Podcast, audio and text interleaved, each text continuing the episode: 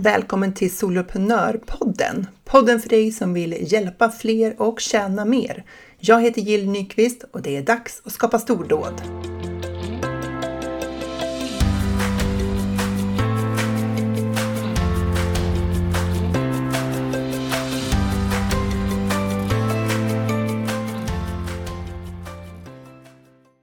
Idag har jag med mig en av mina medlemmar i Soloprenörerna. Det är Jessica Ros Ramqvist som är frilansjournalist och copy och skrivcoach. Varmt välkommen till Soloprenörpodden Jessica. Tack snälla Jill, vad roligt att få vara med. Alltså det här blir ju ett roligt avsnitt för vi har ju ett gemensamt intresse du och jag i det där med orden. Mm, det är spännande. Ja, ja, kanske på ett lite nördigt sätt då. Ja, absolut, absolut. Men man kan göra mycket med ord, man kan åstadkomma mycket. Ja, det kan man ju verkligen. Och jag har ju alltid eh, tyckt det varit roligt att både läsa och skriva. Så där. Och jag har ju känt nu att när jag driver företag, vilken nytta jag har av att jag ändå har varit vän med skrivandet. Även om jag har fått lov att lära mig jättemycket för att skriva på ett helt annat sätt i marknadsföring än vad jag hade gjort innan. Men just det där att, att trivas med att formulera sig i text, det var ingen dålig eh, det, det, var ingen dålig sak att gilla det när man började driva företag. Nej, precis. För det är... Alltså skrivandet kommer du inte ifrån när du startar Nej. upp ett företag. Och precis som du så hade inte jag heller skrivit den typen av texter innan. Men steget från att skriva en text till en annan, om man tycker om att skriva, det är inte särskilt långt. Nej, inte om man liksom lär sig lite nya verktyg och lite nya utgångspunkter och så. Men berätta, vilka är det du hjälper och vad gör du för dem? Jag, ja, dels hjälper jag företagare, både stora och små, med texter till hemsidor och broschyrer och ja, allt vad det kan vara. Inlägg på sociala medier som folk inte vill skriva själva, just för att man inte är bekväm, men man kanske ändå vill ha en professionell ton i sina inlägg. Sen jobbar jag som skrivcoach, dels åt eh, författare och aspirerande författare, men också åt småföretagare, mesta ensamföretagare, som behöver hjälp med sina texter. Som kanske inte då är bekväma med att skriva från början, utan det kommer som en kanske för dem tråkig bisak i sitt företagande. Ja, precis. man faktiskt... gör det här också. Ja, precis. Ungefär som jag känner med bokföringen. Så, så kan eh, skrivandet ligga, alltså vara en, en svår nöt att knäcka för många. Mm. Och alla vill ju inte att någon annan ska skriva alla texter, eller man kanske inte har råd att låta någon annan skriva alla texter. Och ska man synas som företagare i sociala medier så får du vara ganska flitig. Då kan man inte ha någon som skriver alla inlägg. Däremot så kan man ju ha någon som coachar i vissa inlägg. Och eh, man får lite hjälp och råd och tips och så får man kanske tillräckligt med självförtroende för att skriva en text själv. Och så ger jag feedback på den. Och på det viset så lär man sig så småningom hur, hur kan jag skriva på bästa sätt för att inte bara nå ut utan nå rätt målgrupp. Och hur, så det sitter ju en människa bakom varje läsare, även om du riktar dig, vare sig du riktar dig till en annat företag eller till en privatperson. Så det är mm. alltid en människa som läser. Eh, och då behöver man ju skriva på, på ett sätt som, som man når fram, på ett sätt som berör på det sätt mm. man önskar. Mm, ja, verkligen. Men då kan du hjälpa till till exempel med att de har skrivit en grundtext och så eh, skickar de den till dig och sen träffas ni och så får de feedback på, på den texten. Ja, precis. Antingen så ses vi eh, på Zoom och går igenom texten efter att jag fått den. En del vill ha sin text tillbaka med kommentarer i texten om hur, hur man kan förbättra den eller lyfta den. Mm. Det handlar ju inte, det handlar inte bara om meningsbyggnad eller språk, grammatik och så som många tror, utan det är ju hela, hela den röda tråden i texten, hur du, hur du formulerar dig och ja, på vilket sätt du ska nå fram och, och läsaren ska också känna igen att det är du som skriver. Mm. Och då måste man liksom hitta sin egen röst. Den kan ta ett tag att, hitta om man inte är bekväm med att skriva. Det är så lätt att man tittar på hur andra skriver och hon använder de här orden, då ska jag också använda dem. Men det kanske inte är ord som, som jag varken står bakom eller är van att använda och då syns det i texten. Mm. Så man kan inte, man kan inte göra en copy-paste på någon annans text. Man måste liksom göra om den till sin egen. Och det är svårt om man inte är van att skriva. Det jag upplever många gånger är att de som är ovana att skriva ofta skriver lite formellt. Har du tänkt på det? Ja. Att, att det blir lite högtravande, det är lite svårare ord. Mm. Eh, och för att, inte vet jag, jag antar att det kommer sig från att när man skrev förr, typ Mm. i skolan eller på universitetet eller någonting, då var det en annan typ av skrivande och då skulle det vara på det sättet.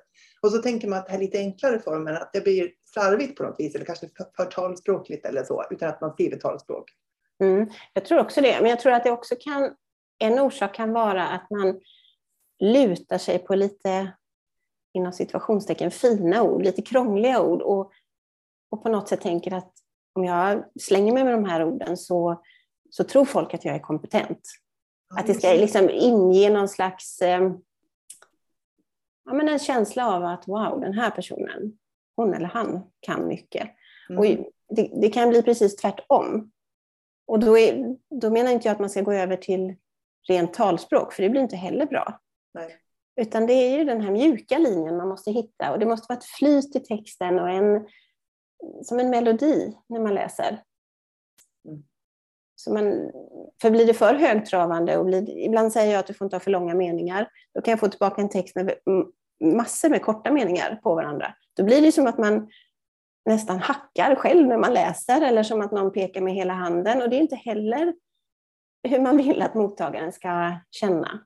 Nej, just det. Man måste växla lite mellan så här, någon kort, någon lång och så Ja. får den här lite mjukheten. i- Ja, jag brukar säga att man kan försöka tänka på sin text som, som ett samtal med läsaren. Man tänker sig att man har läsaren framför sig eller bredvid sig eller vad man vill och så skriver du din text och tänker att det här är ett samtal mellan oss. Då kan man nästan höra vad, vad den här personen framför en kommer med för motfråga. Då kan man svara på den i texten och så vidare. Det krävs också lite övning, men det är ett bra sätt att hitta den här lite behagliga, mjuka samtalstonen då, fast vi, fast vi pratar skrift. Mm. Kanske också ett sätt att eh, anpassa innehållet efter mottagaren. Oh ja, Om man har den så tydligt framför sig och liksom så här, om jag säger det här, vad är den rimliga liksom, följdfrågan på det då? ja, ja, precis. Det är helt sant. För ehm, man behöver ju, alltså det finns ju många frågor man behöver besvara i en text. Och du vet ju egentligen inte frågorna. Man får ju nästan gissa. Men om man, för, om man har väldigt klart för sig vem, vem vill jag ska läsa den här texten? Vem hoppas jag ska läsa den här? Då är ju chanserna ganska goda att man svarar på de frågorna. Samtidigt får man inte skriva för långt. Det upplever jag också att många gör som är ovana. Och det brottas jag själv med. Jag älskar att skriva långt. Ja, samma här. Mm. Mm. Och det, nästan alla texter jag skriver läser jag om sen och går in och kortar för att det är så mycket information som inte, som inte tillför någonting. Men tycker du att det är lätt att hitta det som inte tillför någonting då? Eh, nej, det tycker jag inte. För att jag tycker att om jag till exempel skriver en, eh, säg en journalistisk artikel, Ja. då är man bunden till ett visst antal texten, eller tecken. Och så ser jag att nej, nu skriver jag för långt igen, för det gör jag jämt. Då måste jag gå in och plocka bort. Ja. Då kan jag ju tycka att alltihopa jag har skrivit, allt är kanske inte briljant, men allt kanske behövs. Men det gör inte det om man låter texten vila och läser igen och tittar med nya ögon. Det är så, det är så Med lite distans kan man se de där partierna som faktiskt Ja. går att skära bort utan att det hela går förlorat. Liksom. Ja. Så att, att skriva en text och, och vad man nu har tänkt göra med den, publicera den eller skicka iväg den eller ja, vad man nu ska göra på en gång. Det rekommenderar jag alltid att man inte gör, utan låt den vila. Ibland kanske man bara kan låta den vila en kvart. Men du kanske kan låta den vila några timmar eller till och med till nästa dag. För den Mm. blir bättre om du går in och läser den med nya ögon. Mm. Ja men absolut, alla gånger. Nu fick jag lite dåligt samvete när du sa sådär för att jag är väl den, en mästare på att smattra ner och dra iväg fort. men jag håller med dig, för de gånger som jag inte gör det så hittar jag alltid förbättringsmöjligheter. Det är inte så att jag Ja. liksom dagen efter bara oj vilken fantastisk text, inget behöver ändras förtydligas. Liksom. Nej, Nej men Mm. precis så är det ju. Och det, samtidigt så, alltså alla texter är ju kanske inte livsviktiga heller att man läser igenom. Vissa texter kan ju, kan ju passera det där filtret ändå och vara tillräckligt bra. Mm. Absolut, men det, det, finns ju vissa texter som är lite viktigare för oss än andra. Till exempel kan ju det vara i en säljsekvens, i en lansering eller på en säljsida och där saker och ting lite grann ställs på sin spets och, och, och tiden går ut sen. Mm. Medan i inlägg i sociala medier så tänker jag att vi, vi får tänka att vi har många kontakter med våra, våra potentiella kunder över mm. tid och att vi bygger det över tid. Verkligen. Och att vissa inlägg då blir bättre och vissa blir sämre och vissa kanske tenderar usel. Liksom. Ja. Beroende på om jag har ja. dålig dag. Ja. Då får man revanschera sig en annan dag. Men du, berätta, hur har din egen resa? Du, hur länge har du drivit ditt företag? Jag har drivit företag i tre och ett halvt år. Eh, och jag smygstartade inte som många gör, utan jag sa upp mig från ett jobb som eh, redaktör på ett fastighetsmagasin. Eh, och hade bestämt mig för att starta eget, men för att jag hade längtat efter det i flera år, men jag har liksom inte vågat riktigt. Mm. Så bara gjorde jag det plötsligt. Och då när jag väl, eh, vet, jag sa upp mig och så hade jag de här tre månaderna som jag jobbade klart och sen så kom ju vardagen. Och alltså min stora skräck då, det blev ju hur ska jag, hur ska jag hitta kunder? Hur ska jag få folk att förstå att, att jag ens finns? Hur ska jag få dem att förstå vad jag kan? Jag hade ju, ja, referenser hade jag i och för sig från, från tidigare jobb då, så det kunde jag använda vad gäller text. Men eh, jag gick och nojade över det där bra länge och kom liksom inte vidare för jag tänkte att ingen kommer vilja köpa av mig och ingen kommer förstå att jag finns och ingen kommer förstå vad jag gör. Mm. Och, och, sen fick jag liksom till slut, ja men jag smög mig väl in på, jag började nog med att jag på LinkedIn faktiskt uppdaterade från en gratisversion till en betalversion och tänkte att jag kanske får börja våga göra några inlägg där. Eh, för LinkedIn hade jag bara haft under alla år och ja, men slängde ett öga på och kika på nya karriärmöjligheter och så. Mm, som många gör. Mm. Ja, precis. Men jag tänkte att jag får bli lite aktiv där. Eh, och så var det någon som sa att du måste ha ett Instagramkonto. Jaha, måste jag det också? Det hade jag ju ett privat, men vad ska jag skriva där då? För att, det tänkte jag nog bara att det var för företagare som arbetar med bild på något vis. Mm. Mm. Så började jag göra några försiktiga inlägg och fick jättemycket respons på en gång. Mm. Eh, vilket var på Instagram? Ja, framförallt LinkedIn faktiskt. Ja, LinkedIn, ja. ja. Och så var det någon Ja, men då var det någon i kommunen där jag bor som hade sett något på LinkedIn och fattat att jag var frilans och kontaktade. Och så spred det sig lite, lite grann mun till mun tror jag. En liten håla jag bor i. Ja. Eh, och då vågade jag liksom ta för mig mer och mer och så tänkte jag, men vad sjutton sitter jag här och är så feg för? För jag, skriva kan jag ju. Så att jag behövde egentligen inte vara rädd. Och det var jag nog inte för själva texten jag la ut. Jag var rädd för att folk inte kanske skulle tycka att det var ett dugg intressant. Mm. Var det det som var din största rädsla? Att du skulle lägga ut saker som ingen var intresserad av? Ja, precis. Mm. Och så var ju folk det. Så att jag fortsatte ju skriva och det var ju ingen, själva det här skrivandet, det slog ju mig senare att det är det här som många brottas med, företagare. Jag brottades ju med det här att våga göra mig synlig och våga faktiskt kliva ut och tala om att här finns jag, jag kan hjälpa dig. Medan många andra kanske sitter där och brottas med själva skrivandet.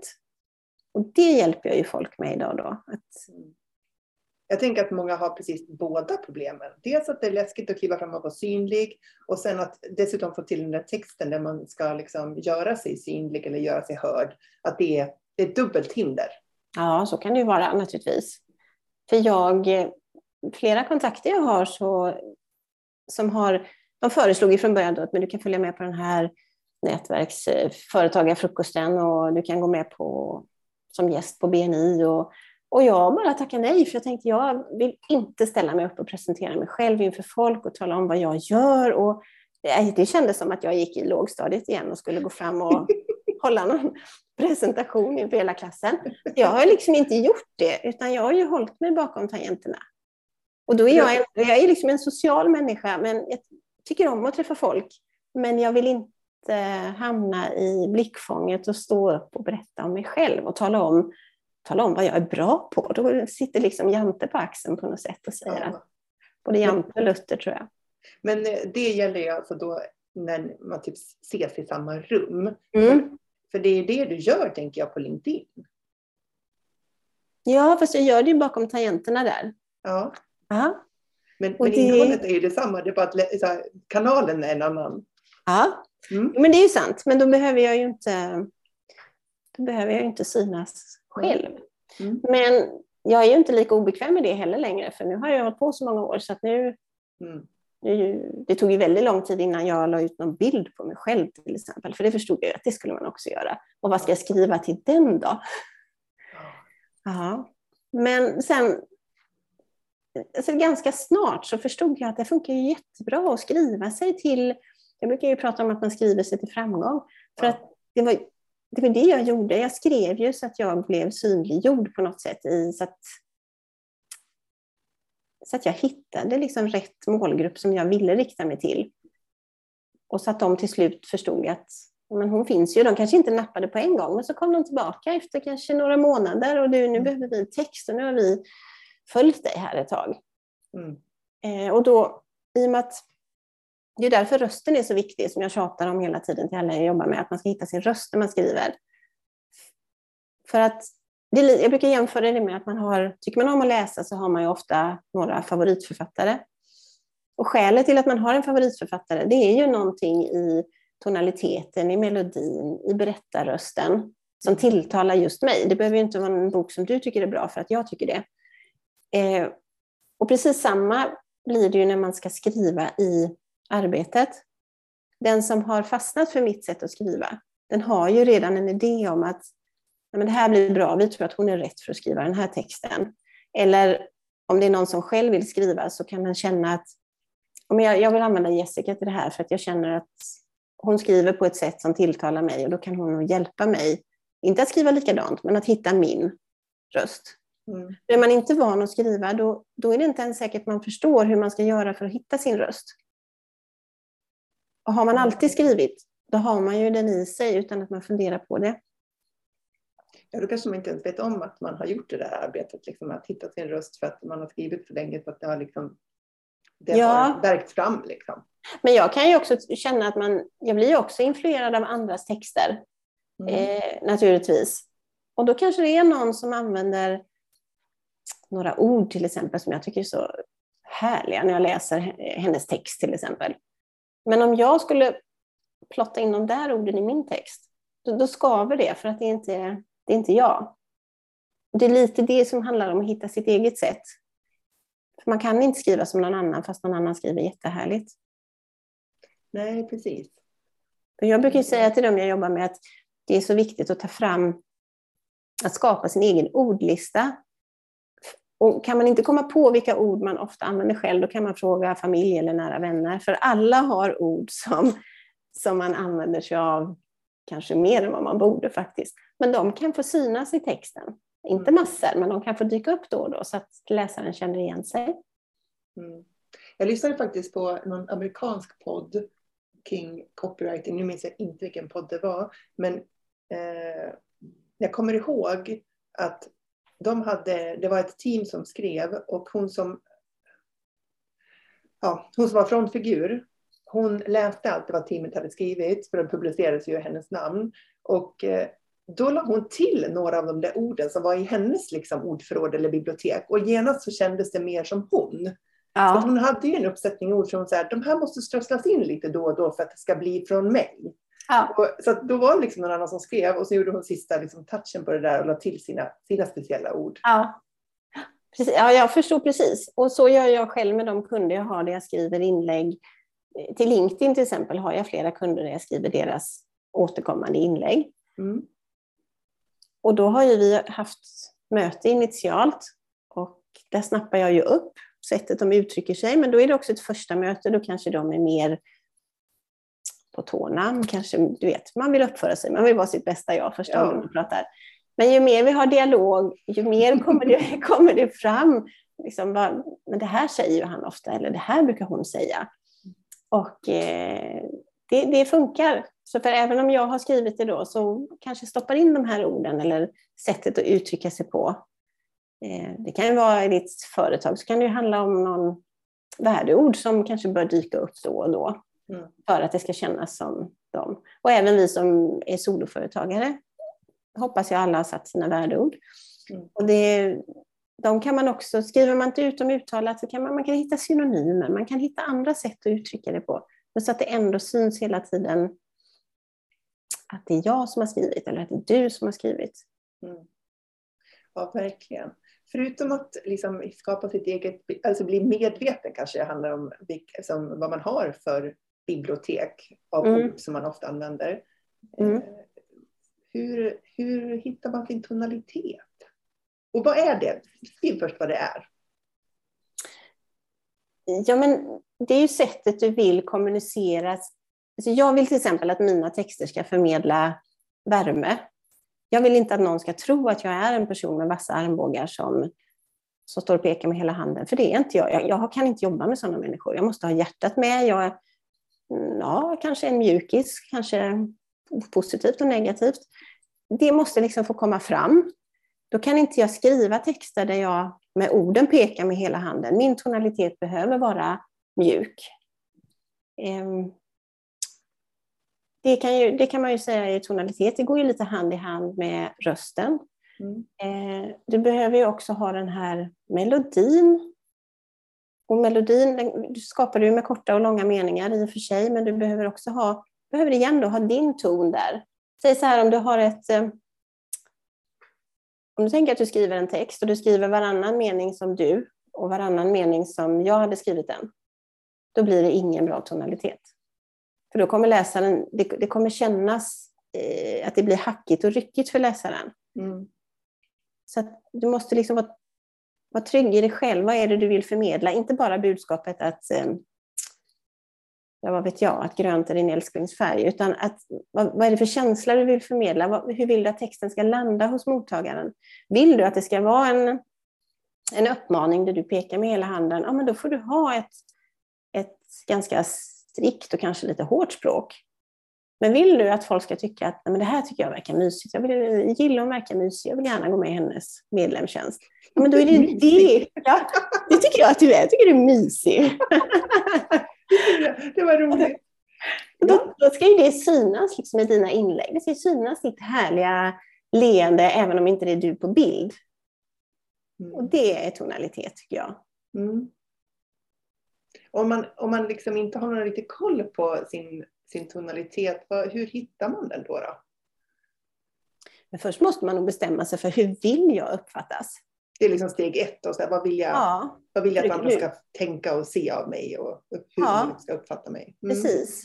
Och lite grann, eh, man kan ju också tänka på vad man vill ha för kunder naturligtvis. Men och, alltså vill, du ha, vill du jobba med jättestora organisationer där det, där det är väldigt strikt och fasta ramar och så vidare, ja, men då, då kanske det är det du ska signalera, att det är, det, det, det är ditt sätt att jobba. Men om det inte är det, om du vill ha lite utrymme för flexibilitet, om du, om du gärna tackar ja till att samarbeta med trevliga människor, men kanske avstår de som inte passar din personlighet. Då, då måste Fint uttryckt. Ja, precis. Vi har väl alla avstått några, tänker jag. Och då, eh, då ska du inte signalera att du är på ett sätt om du inte kan leva upp till det sen. För det blir inte bra för dig själv framför allt. Inte för kunden heller, men det blir inte, inte bra för dig själv. Så jag har gjort några sådana blunders och då har man suttit med Mm. samarbeten som inte är, inte är bra, som inte blir behagliga. Jag tror att har man jobbat ett tag så har alla gått i den fällan. Liksom. Mm. Man har ju en unik förmåga att intala sig själv i stunden att jo, men det går nog bra. Ja, jag löser det här. Det, det löser det. Ja. ja. Sådär. Och sen när man sitter där så inser man bara nej, det var inte ett bra beslut. Nu måste jag ro det här i hamn, men det var ja. inte det bästa. Liksom. Nej. nej. Och så får man lära sig, så får man göra om och göra rätt. Mm. Mm. Eh, så man, om man ska hitta sin tonalitet så ska man utgå från hur man vill uppfattas. Och när man har satt... Och inte en, inte en falsk bild då naturligtvis, utan det måste ju vara... Det måste ju stämma lite med hur du är också. Men jag tänker att det är verkligen att göra sig själv en tjänst rakt igenom. Att man pratar ju alltid, alltid om att man ska vara autentisk och allt det mm. där. Eh, men jag tänker att det är verkligen att göra sig en björntjänst, att, att låta påskina att man är på något annat sätt. För att mm. vilken energi att upprätthålla den bilden av sig själv över tid. Det är jättejobbigt. Det har man ju liksom också gjort på något sätt i vissa samarbeten. Det är jättejobbigt. För att det, det, är, eh, det är ju styrigt nog ändå att driva företag och, och kommunicera och så här. Och ska man dessutom komma ihåg så här utgångspunkter som känns obekväma och så ska man pröva att skapa utifrån det. Då har man ju verkligen satt sig själv i en svår sits. Ja. Och jag tänker att det, risken är ju väldigt stor också att man attraherar människor som man inte liksom egentligen vill jobba med. Ja. Och det, det, blir inte, det är inte ett roligt sätt att jobba. Nej, jag tänker det blir inte bra för någon, för de, de personerna som är på ett annat sätt än som passar mig, de förmodligen har ju mycket större nytta av att jobba med någon annan. Deras ja. resultat kommer att bli bättre om de hittar någon ja. som är på samma liksom, linje som dem. Ja. Jag har ju till och med suttit med, man har haft sådana samarbeten, där jag nästan sitter och blir arg på kunden. för att jag tycker att jobbet är så tråkigt, för det var inte vad jag ville göra. Men det, det är mitt fel, för det är jag som har sagt ja. Det är jag som har lovat att göra det här. Så att, ja. jag blir bättre och bättre. Jag har inte, det är inte så ofta längre jag tackar ja till sånt, men ibland så hamnar man i det ändå. Ja, absolut. Man får dra lärdomar och sen ibland så, och för mesta går det bra då, men sen, sen har man fallit dit och då, får, då är det väl så. Då, liksom. Ja. Förlåta sig själv för det och gå vidare. Ja, precis. Och sen tycker jag en annan sak som är viktig när man skriver då som, som liten företagare, för, om man skriver för att synas, och det är att sätta någon slags struktur. Och det mm. betyder inte att ha jättestrikta ramar och mallar som man inte får gå utanför, men man kan inte på något sätt ena dagen kommunicera blåbär, andra hallon och tredje jordgubbar. Det blir inget mm. bra. Man får försöka hålla sig... Alltså man behöver inte göra en tratt och tratta ner det till bara en sak heller, men man, man kan inte ha tio saker, utan du får kanske på något sätt röra dig inom eller tio saker, det blir fel för att det kan vara tio saker inom samma område, men mm. det, det får liksom det får röra sig inom, som jag som skriver om skrivande. Mm. Jag kan ju inte plötsligt börja skriva om, eh, vad vet jag, om inredning. Det blir jättekonstigt om det skulle hamna ett sådant inlägg bland mina. Mm. För det är inte det jag jobbar med. Det där tror jag är en jättevanlig utmaning bland oss som är soloföretagare. Popcornhjärnor och intresserade ja. av så många saker. Mm. Eh, jag var ju där själv när jag startade liksom, mitt företag och jag möter många som säger jag håller på med så många saker. Och så, och så blir det jättesvårt att kommunicera. Mm. Alltså hålla, hålla en röd tråd. Så här, vad vill du att människor ska tänka på när de tänker på dig? Ja. Men du vet ju att så här, tänker man på Jessica Ros Ramqvist, då är det skrivande på något sätt. Liksom. Det är ingen mm. som tror att du jobbar med inredning eller träning eller bilar eller liksom, du vet, skogsbruk eller något. Nej, liksom, utan, sådär. Och, och tänker man på mig så är det många som tänker på medlemstjänster och jobba online. Liksom. Mm. Och det där är, var, det är ofta en utmaning. För jag, menar, jag satt ju i samma läge eftersom jag också har varumärket Funka med ADHD som är helt annat spår, helt annan målgrupp. Mm. Och då, det, det, fick jag ju lov att lösa genom att ha helt olika kanaler helt enkelt. Ja, för det, den hade blivit alldeles förvirrande om du hade haft Ja, jag började där kan jag säga. Mm -hmm. Du började, aha, ja. du hade dem ihop först? Ja, men jag hade tre. Eh, jag, jag hade ju också eh, det här med att jobba med eh, ledarskapsfrågor. Hade jag också. Jaha, allt på samma liksom? Ja, precis. Det måste vara två. Det var ledarskapsfrågor, ADHD och sen, ja, jag kan hålla på med något tredje också. för, att för mig, jag såg den röda tråden i det där. Mm. Personligt ledarskap är grunden för att vara en bra förälder, det är grunden för att vara en bra ledare och sådär. Helt omöjligt att kommunicera. Ja. det var bara jag som såg den röda tråden. Den var ja. extremt osynlig för andra kan jag säga. Ja. Det var absolut ingen som hörde av sig till mig, för vad, vad gjorde jag? Ingen ja. aning. Liksom. Nej. Så det fick jag lära mig den hårda vägen. Och, eh, hur, hur upptäckte du det? Eller hur, var det tiden som utvisade det? Eller? Ja, precis. Tiden och bristen på kontakt tror jag. Ja. Du vet så här, man kommunicerar. Men du nådde inte fram? Nej. Så här, oh, oh. Och jag undrar fortfarande hur sjutton jag kunde sälja min första bok, det var jag med ADHD. Mm. Eh, för att, hur nådde jag ut med den? Hur gick det till? Mm. Väldigt oklart liksom, hur jag kunde sälja. Liksom, så det tusen ex den första upp, upplagan ah. av den. Ah. Och hur gick det till? Galet oklart. Men Um, till slut Vad kom jag... Vad hände när du, liksom del, när du kom fram till det här och delade upp? Ja, men alltså det var så, vilken lättnad. Jag hade ju samma webbplats för alltihop också. Mm. Ja. Um, Men det var så sjukt mycket lättare att skapa innehåll för jag visste vilken grupp jag pratade till. Nu Mm. är det föräldrar som har barn med ADHD och då kunde jag bara gå all in och vara supertydlig om det. Mm. Tidigare så blev det lite så här mellanmjölk. Så här, det kändes som att så här, tänk om någon läser det här som är ledare också. Då måste jag hitta en sån vinkel på det här Ja. budskapet och sådär. Så då börjar man liksom så här, generalisera saker. Uttrycka Där har du ju tonaliteten. För då generaliserar du, du gjorde mellanmjölk av det. Det blir ingen Exakt. tydlig tonalitet. Nej. Nej. Nej. Och, och det var också väldigt svårt att skapa. Alltså jag som vanligtvis har lätt för att skriva tyckte att det blev Mm. svårt att skriva. Mm. När jag sen kom till sans och förstod problematiken så delade jag upp det då så att så här, en Facebook-sida för Funka med ADHD och en annan Facebook-sida för det som, ja, som nu är soloprenör, men det var lite ledarskap och vad det var. Mm. Ja. Ehm, då kunde jag ju som bara kommunicera utifrån helt andra utgångspunkter. Mm. Och då blev det så mycket lättare att skapa innehåll. Precis, och då förstod dina två respektive målgrupper precis vad du menar. Ja, för de, de mötte ju aldrig varann. För jag menar, en, en, eh, en ledare är ju förmodligen väldigt ointresserad av föräldraskap och ADHD om man inte råkar vara en ledare som har barn med ADHD. Liksom. I övrigt så var det helt ointressant. ja, Eh, Sådär. Så att, eh, det, det blev väldigt tydligt. ja. ja, det är så viktigt att man, och det, det tar tid när man startar företag, att man kan ha en klar bild. Men sen så är det inte den kunden som kommer, utan det kommer en annan kund. Och så, I början behöver man ju tacka ja till alla Mm. möjliga uppdrag för att, för att få inkomst, för att få synas, för att få ut sitt namn. Men det, blir, det tar ett tag innan man liksom på något sätt kan skala ner och leda sig själv tillbaka till, men vad var det jag ville? Mm. Varför gjorde jag det här egentligen? Men det är det här jag vill göra, då ska jag inte göra det här andra. Åh, alltså jag har så här, får så här flashback nu när vi pratar. Mina första nyhetsbrev.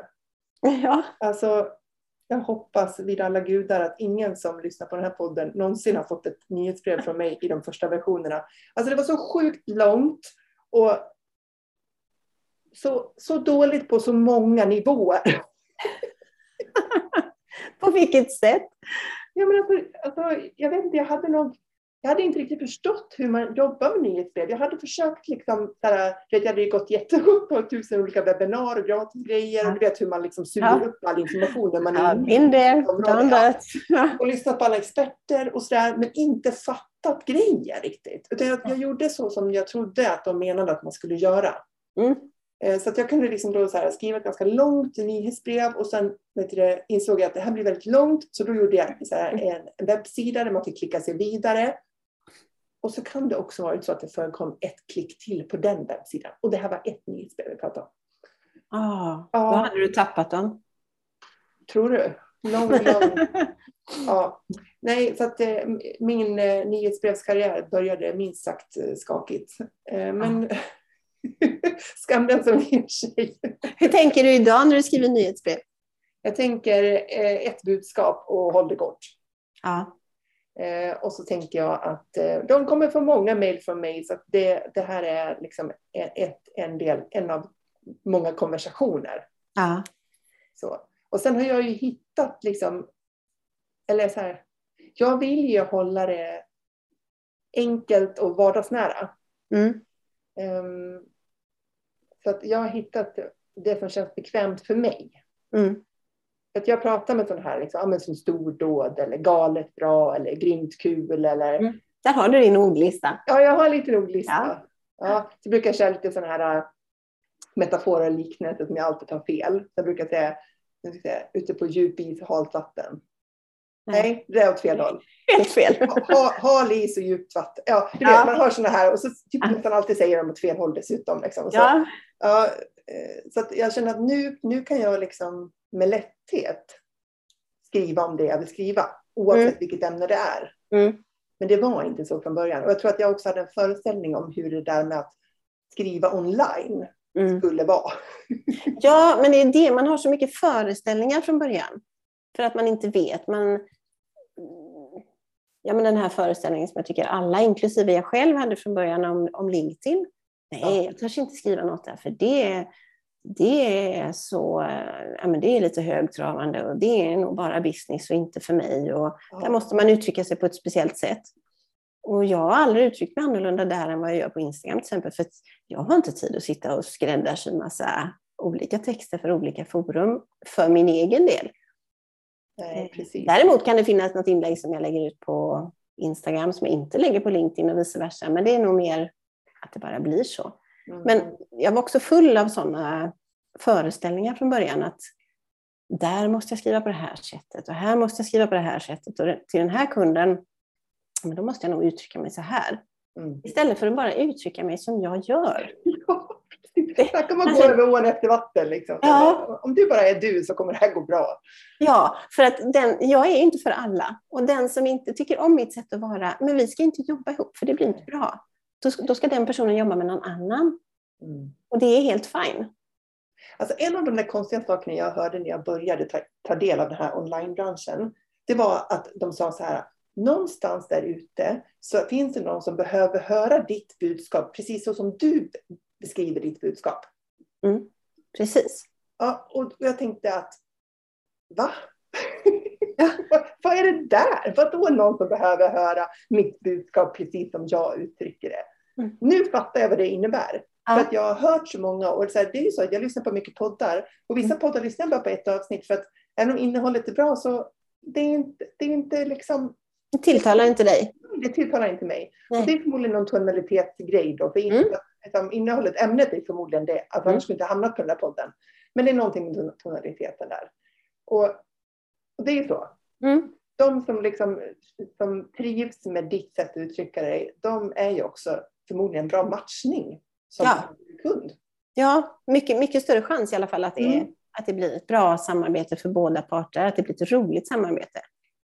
Men du, innan vi avslutar så måste du berätta om din LinkedIn-rutin. För jag vet väl ingen som är så duktig på att vara kontinuerlig på LinkedIn som du. Hur, vad är så hemligheten bakom detta? Det.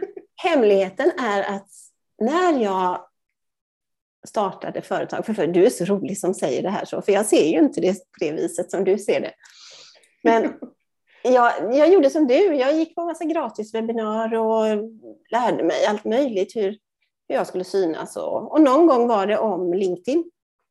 Och då var det någon som sa, jag minns inte ens vem som hade det här webbinariet, men den personen sa att är du ny på LinkedIn och du, ska få, du är som du är ny företagare, du ska synas, då ska du hålla i, håll ut. Du ska göra ett inlägg varje dag i minst två månader. Jag tänkte, jaha, ja, men jag antar väl det. Jag är lite tävlingsmänniska också så att jag bestämde mig för att jag skulle göra det. Och det skulle vara med bild dessutom. Det tog så mycket tid. Och så kommer jag så väl ihåg att jag var i, var i Thailand och låg på en solstol och var så här, nej jag måste bara få ut ett inlägg också här innan jag kan bada. Och så här höll jag på med min familj. Och någonstans där nere så inser jag att ja, men det har ju gått två månader nu. Jag kanske kan prova med varannan dag. Så gjorde jag det. Och fortfarande så bara växte min, eh, mitt nätverk där. Och där hittar jag någon slags form, jag kanske lägger ut fem inlägg i veckan numera.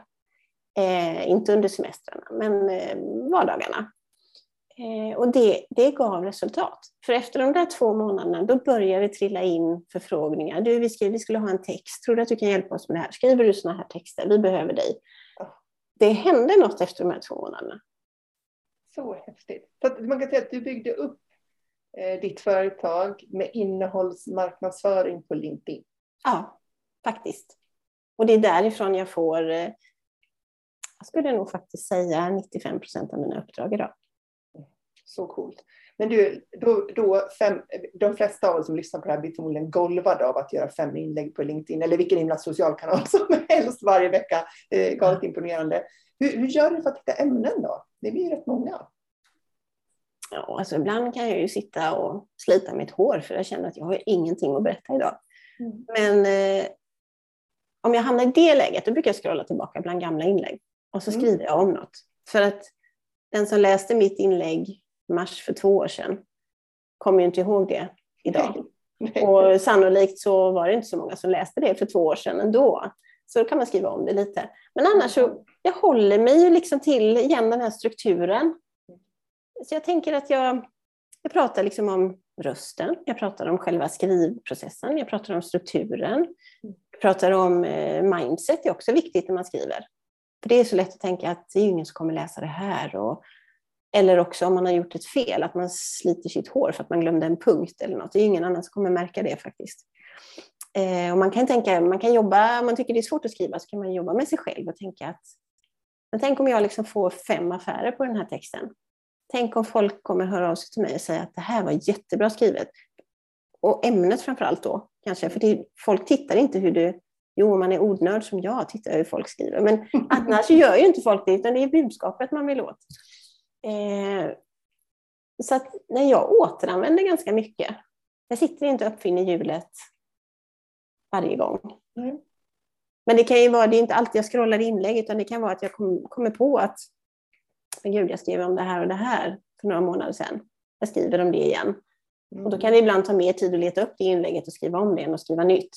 Just det. Men, Men då har du liksom ämnet i så då kan du återskapa ja. bra innehåll kring det ämnet. Ja. Mm. Och sen i och med att jag är ensam för, liksom i mitt företag, då är det mycket personkemi. Så ibland, jag blandar upp det då och då med något mer personligt mm. inlägg. Ibland någon presentation, ibland bjuder jag på något ja, som har gått tokigt som jag har gjort eller så. Som mm. jag tänker att har det gått tokigt för mig så går det tokigt för alla. Så det kan man ju, ja. Ehm, så att nej, jag tycker inte det är så himla svårt att hitta ämnen. Och när sker detta mirakelskrivande då? Alltså i den bästa av världar så har jag en veckas inlägg klara i förväg. Ehm, så är det inte alltid, men eh, ganska ofta så har jag en veckas inlägg, ligger jag en vecka före. Sätter du och skriver fem i rad då, alltså du batchar, är det det du gör? Nej, alltså ligger jag lite efter så gör jag så, men det kan jag tycka blir lite, det blir inte så roligt. Det blir inte, då är inte hjärtat med i de här sista inläggen tycker jag. Då blir det mer som att jag bara ska mata ut. Men om jag säger att jag ligger fem inlägg, jag ligger en vecka förväg och har dem kanske schemalagda och klara, så kanske jag, jag kanske skriver två en dag, kanske skriver ett nästa dag. Nej, jag, ja, kan skriva det i lite. lite ja, men precis. Jag fyller på banken. När jag har mm. lucka, när jag får lite feeling. Ibland skriver jag något på telefonen när jag kommer på. Sent på kvällen, tidigt på morgonen eller med kaffekoppen i handen. Alltså, jag skriver när det... Jag har ju alltid något att skriva på. Papper, penna, telefon med mig var jag än är. Så att jag sätter mig sällan ner och skriver fem eller sju inlägg på rad. För, det, för mig blir inte det lustfyllt. Och jag, det har jag bestämt mig för sedan jag blev egen. Jag, jag ska ha roligt på mitt jobb. Jag ska inte sitta där och... Det gör man ju då, man sitter ju och harvar med vissa surdegar, men så lite som möjligt. Jag vill göra det på ett roligt sätt. Och jag bestämmer ju själv när jag vill skriva. Men du är också flitig på inlägg, eller hur? Ja, det växlar ju lite grann då. Eh, jag har ju, jag har ju bestämt mig för att min, min viktigaste kanal, det är podden. Så att om jag Eh, som jag nu under den här våren har haft väldigt mycket att göra och jag inte mäktar med att producera innehåll i andra kanaler, då ser jag alltid till att jag orkar få till ett poddavsnitt. Mm. Och, och, till poddavsnittet så följer ju då nyhetsbrevet och eh, åtminstone ett inlägg. Liksom. Ja. Så, att, så att, eh, mitt nästa steg där är väl att göra liksom, lite mer av podden eftersom ja. jag har över hundra avsnitt. Jag har hur mycket content som helst. Jag tänker ja. att jag skulle kunna använda det lite smartare. Ja, så. Men, men jag tänker att man får jag, jag, måste prioritera och då prioriterar jag podden framför mm. någonting annat. Och sen eh, i mån av tid och ork så lägger jag ut annat. Liksom. Mm. Jag har ju mina skrivtips varje fredag som jag delar. Mm. Eh, som faktiskt var någon följare som tipsade mig om någon gång. Kan inte du lägga ut ett tips i veckan? Jag tyckte det var en briljant idé. Jag hade inte ja. tänkt på det själv. Eh, och det har blivit jätteuppskattat. Så det, det kommer jag till exempel schemalägga för hela sommaren, för det vet jag att folk vill ha varje fredag, även om det är semester. Och, det, och då är det på LinkedIn som du lägger ut eller någon annanstans? Ja, på Instagram och min Facebookgrupp också. Ja. Mm. Så det går samma inlägg på alla kanaler på fredagar. Det, och det, missar jag det, då får jag höra det. Då är mejlboxen full. Va? Kom det inget idag? Och det går också ut som nyhetsbrev varje fredag till... Jag har två nyhetsbrev i veckan som går ut till de som vill ha. Mm. Eh, ett på tisdagar som kan vara om lite allt möjligt som har med textord att göra. Ibland bara kanske någon fundering. Eh, för igen då, funderar jag på någonting så, så är inte jag ensam om det. Det sitter ju många och funderar på samma sak förmodligen. Och sen på fredagar så går det ut det här skrivtipset då. Mm. Du har två nyhetsbrev i veckan som du publicerar. Mm. Plus eh, fem dagar content på sociala medier. Mm. Du är som en innehållsmaskin. ja, men det, det, ja. men jag har ju ingen podd. Men det, det, det skulle jag vilja ha en vacker dag. Ja, det kanske blir. Ja. Mm. Det var roligt att ha pratat med mig. Vad, vad, om man nu blir väldigt ins- inspirerad av att eh, veta mer om skrivande, Mm. vart kan man hitta dig då? På LinkedIn förstår man ju nu då att du är. Precis, där hittar man mig och också på Instagram under mitt namn Jessica Ros Ramqvist. Och sen har jag en Facebook-sida som heter, ja dels finns jag som frilansjournalist där, men jag har också en sida, en gratissida på Facebook som heter Skriv dig till framgång. Där man också gärna får vara med. Och den haltar lite för tillfället, för nu har det varit så mycket i vår, så den har, den har varit lite klent innehåll från min sida, det får jag erkänna, men det ska inte vara så. Nej. Nej. Tusen tack för att du ville vara med i Soloprenörpodden Jessica. Tack själv Jill, tack för att jag fick vara med.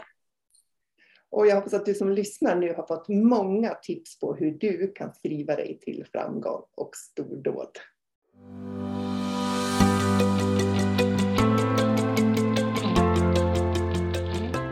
Stort tack för att du lyssnar på Soloprenörpodden. Jag är så glad att ha dig här.